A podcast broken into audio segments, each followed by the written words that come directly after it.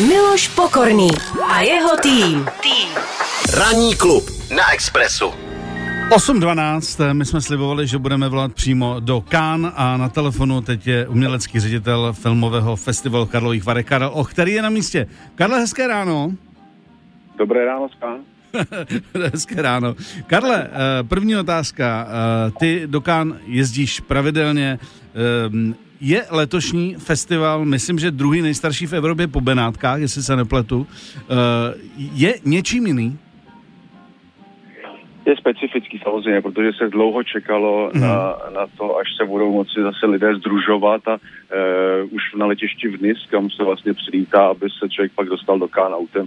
E, byla cítit taková ta vzrušená atmosféra, ale zároveň taková jakoby obezřetnost. Jo. Mhm, A mhm. vlastně člověk přijede do Kána, jde na první film a zjistí, že od 1. července vlastně ve Francii už jsou otevřená kina na 100% kapacitu a teď vlastně sedíte v sále na, zahaj, na zahájení s dalšími dvěmi tisícovkami lidí a je to je to skutečně divný pocit, zvláštní, ale zvyknete si na to rychle a dostanete se zpátky jako vlastně do takového toho varu a chodu a Mhm. mm. e, myslím, co je jiné ještě, je, že vlastně ředitel festivalu Thierry Fremo si dal opravdu záležet na tom zahájení, tak aby e, lidi byli spokojení, média vlastně se napažila, takže na pódium v jednu chvíli přivedl Pedro Almodovara, který předával cenu Jodie Fosterové, Mhm, mm. u toho asistoval pre- pre- prezident poroty Spike Lee a byl tam Bong Joon-ho.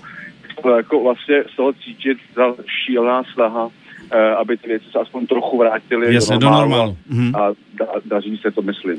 Když jsi jmenoval uh, režiséra Spike Lee, uh, tak uh, jak přijali vlastně ho- hosté festivalu v Cannes je, jeho hodně angažovaný uh, otvírák, čili vlastně ten, ten úvodní projev jako předsedy poroty, bylo to kvitovaný Mhm. pozitivně, nebo toho už bylo trošičku moc? Ono tady vlastně eh, ty věci jsou rá- rády politizovány, tudíž eh, myslím si, že eh, ten, to jeho vlastně cítění i politické smýšlení je tady bráno vlastně velice přívětivě a Hmm. s nadšením. A on do toho vlastně to umí prodat takovým showmanským způsobem, takže ta kombinace vlastně nějaké angažovanosti s- se způsobem, který je vlastně snadno sdělitelný a, a stravitelný, myslím si, že jakože funguje velice na francouze. Že, že to prostě drží tu míru, že ano, mám nějaký názor, Jo, ale, je to tak. ale dokážu to říct tak, že to těm lidem jako nenutím, že, že, že to nevadí. Přesně tak. Eh, a hlavně od něj to působí autenticky. Jasně, jasně. Eh, Já když jsem se díval na fotky, tak jsem neviděl žádné, žádné roušky. To znamená, dá se říct, že když už se dostane eh, člověk eh, dovnitř, vlastně do toho, eh, řekněme si, do toho místa toho hlavního dění festivalu, eh, jak je to tam s opatřeními?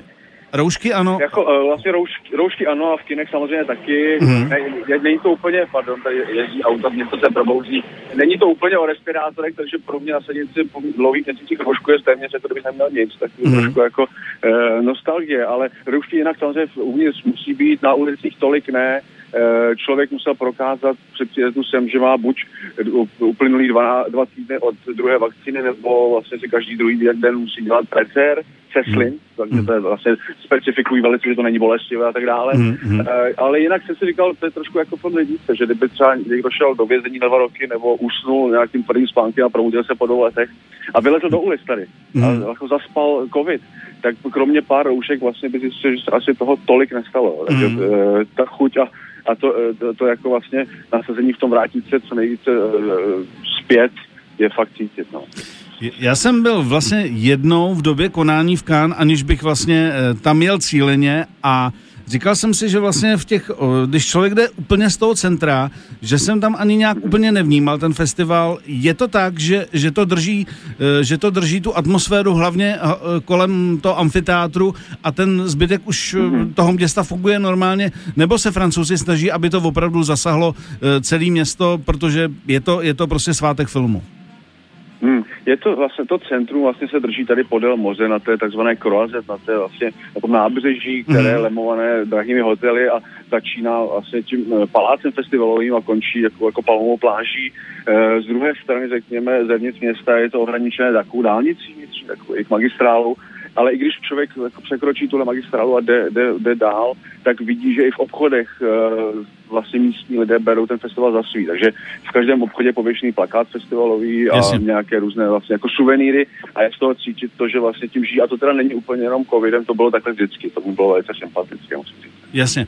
Poslední otázka. Je tam aspoň nějaká drobná česká stopa, kromě tebe, na, na letošním festivalu v Cannes? Karlo, Karlovarský festival se jede ve velkém složení, nesem Jiří výkonný ředitel Krištof Mucha, další kolegové a, Mm. a my vlastně se snažíme, snažíme nějakým způsobem pokrýt co nejvíce filmů. Je tu animovaný film, sekce Cinefondacion, což jsou vlastně eh, sekce studentských filmů, tudíž eh, Česko má své zastoupení aspoň v krátkometrážní animované tvorbě a, a my vlastně s kolegy doufáme, že co nejvíc těch filmů, které tady rezonují, včetně třeba nového filmu Paula Verhoevena, Benedetta, který má premiéru zítra, budeme moci přivést do Karlových varů na konci srpna. Tak výborně. Karle, díky moc a eh, pozdravuji zbytek, zbytek party, užijte si to a eh, ať to, ať to, dobře, ať to dobře dopadne i vlastně pro Karlovarský filmový festival, protože oni to jsou taky trošku spojený nádoby, že jo, ty festivaly. Eh, Je to tak, Může je se to tam po, podařit zalobovat a, a najednou prostě se to zúročí úplně, úplně někde jinde. Eh, Moc díky a užijte si to tam. Ahoj. Já děkuji, krásný den, Miloš, ahoj, se. Miloš Pokorný a jeho tým. Tým. Ranní klub na Expressu.